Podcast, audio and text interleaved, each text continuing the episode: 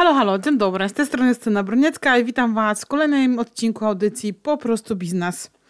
Dzisiaj temat związany z tym, w jaki sposób, jakie są techniki e, zamiany działalności gospodarczej na spółkę ZO. Bardzo często do nas trafiacie z tym pytaniem, ponieważ czytacie sobie w internecie, że to jest bardzo trudne, skomplikowane e, i pytacie, czy to prawda i czy to prawda, że trzeba mieć przynajmniej 20 tysięcy złotych.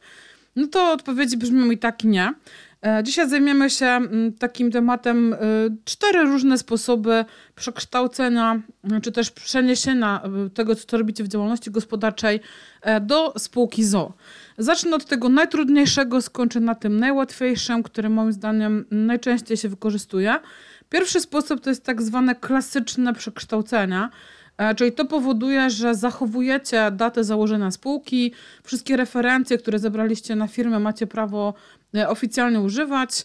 E, prawdopodobnie NIP spółki no, będzie zmieniony z uwagi na to, że ten NIP, którego dzisiaj używacie, to jest NIP działalności gospodarczej.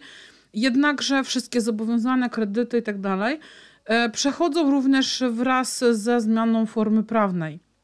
Więc jakby zachowujecie ciągłość funkcjonowania firmy. I taki proces w polskiej rzeczywistości trwa mniej więcej rok.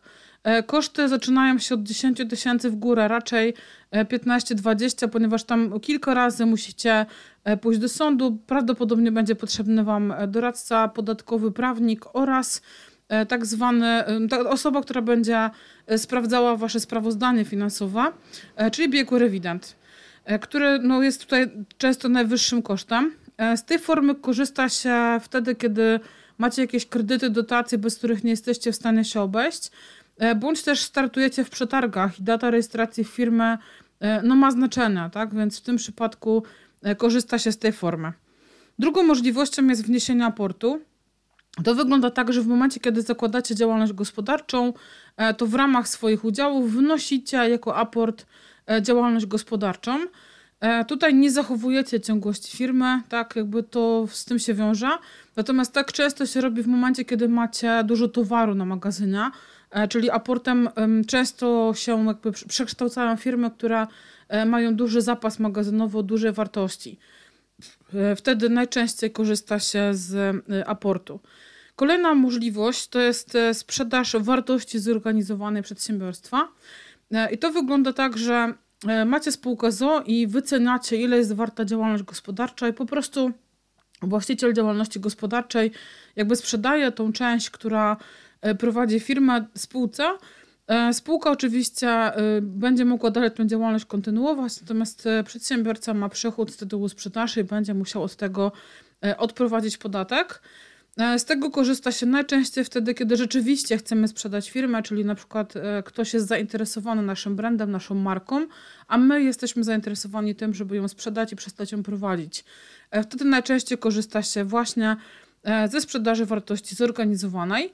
No i ostatnia metoda, w mojej ocenie najprostsza, e, najczęściej wykorzystywana. Otwieracie sobie spółkę ZO. E, załóżmy, że na przykład godziną zero do otwarcia spółki ZO e, jest 1 września, tak? Czyli 1 września chcecie funkcjonować jako spółka ZO, więc spółkę otwieracie już w sierpniu, tak żeby, żebyście mieli kilka dni, kiedy będzie już zarejestrowana spółka i jeszcze zarejestrowana działalność. Podpisujecie sobie umowę cesji z datą wejścia w życie 1 września, czyli na przykład podpisujecie umowę cesji, nie wiem, z 28, 28 e, e, sierpnia, a data wejścia w życie tej umowy e, to jest 1 września w taki sposób podpisujecie sobie wszystkie umowy cesji. Ostatniego dnia miesiąca, czyli ostatniego sierpnia, ja rekomenduję zamknąć, natomiast niektórzy zawieszają działalność gospodarczą i od 1 października, przepraszam, od 1 września mają wszystko już na spółce ZO.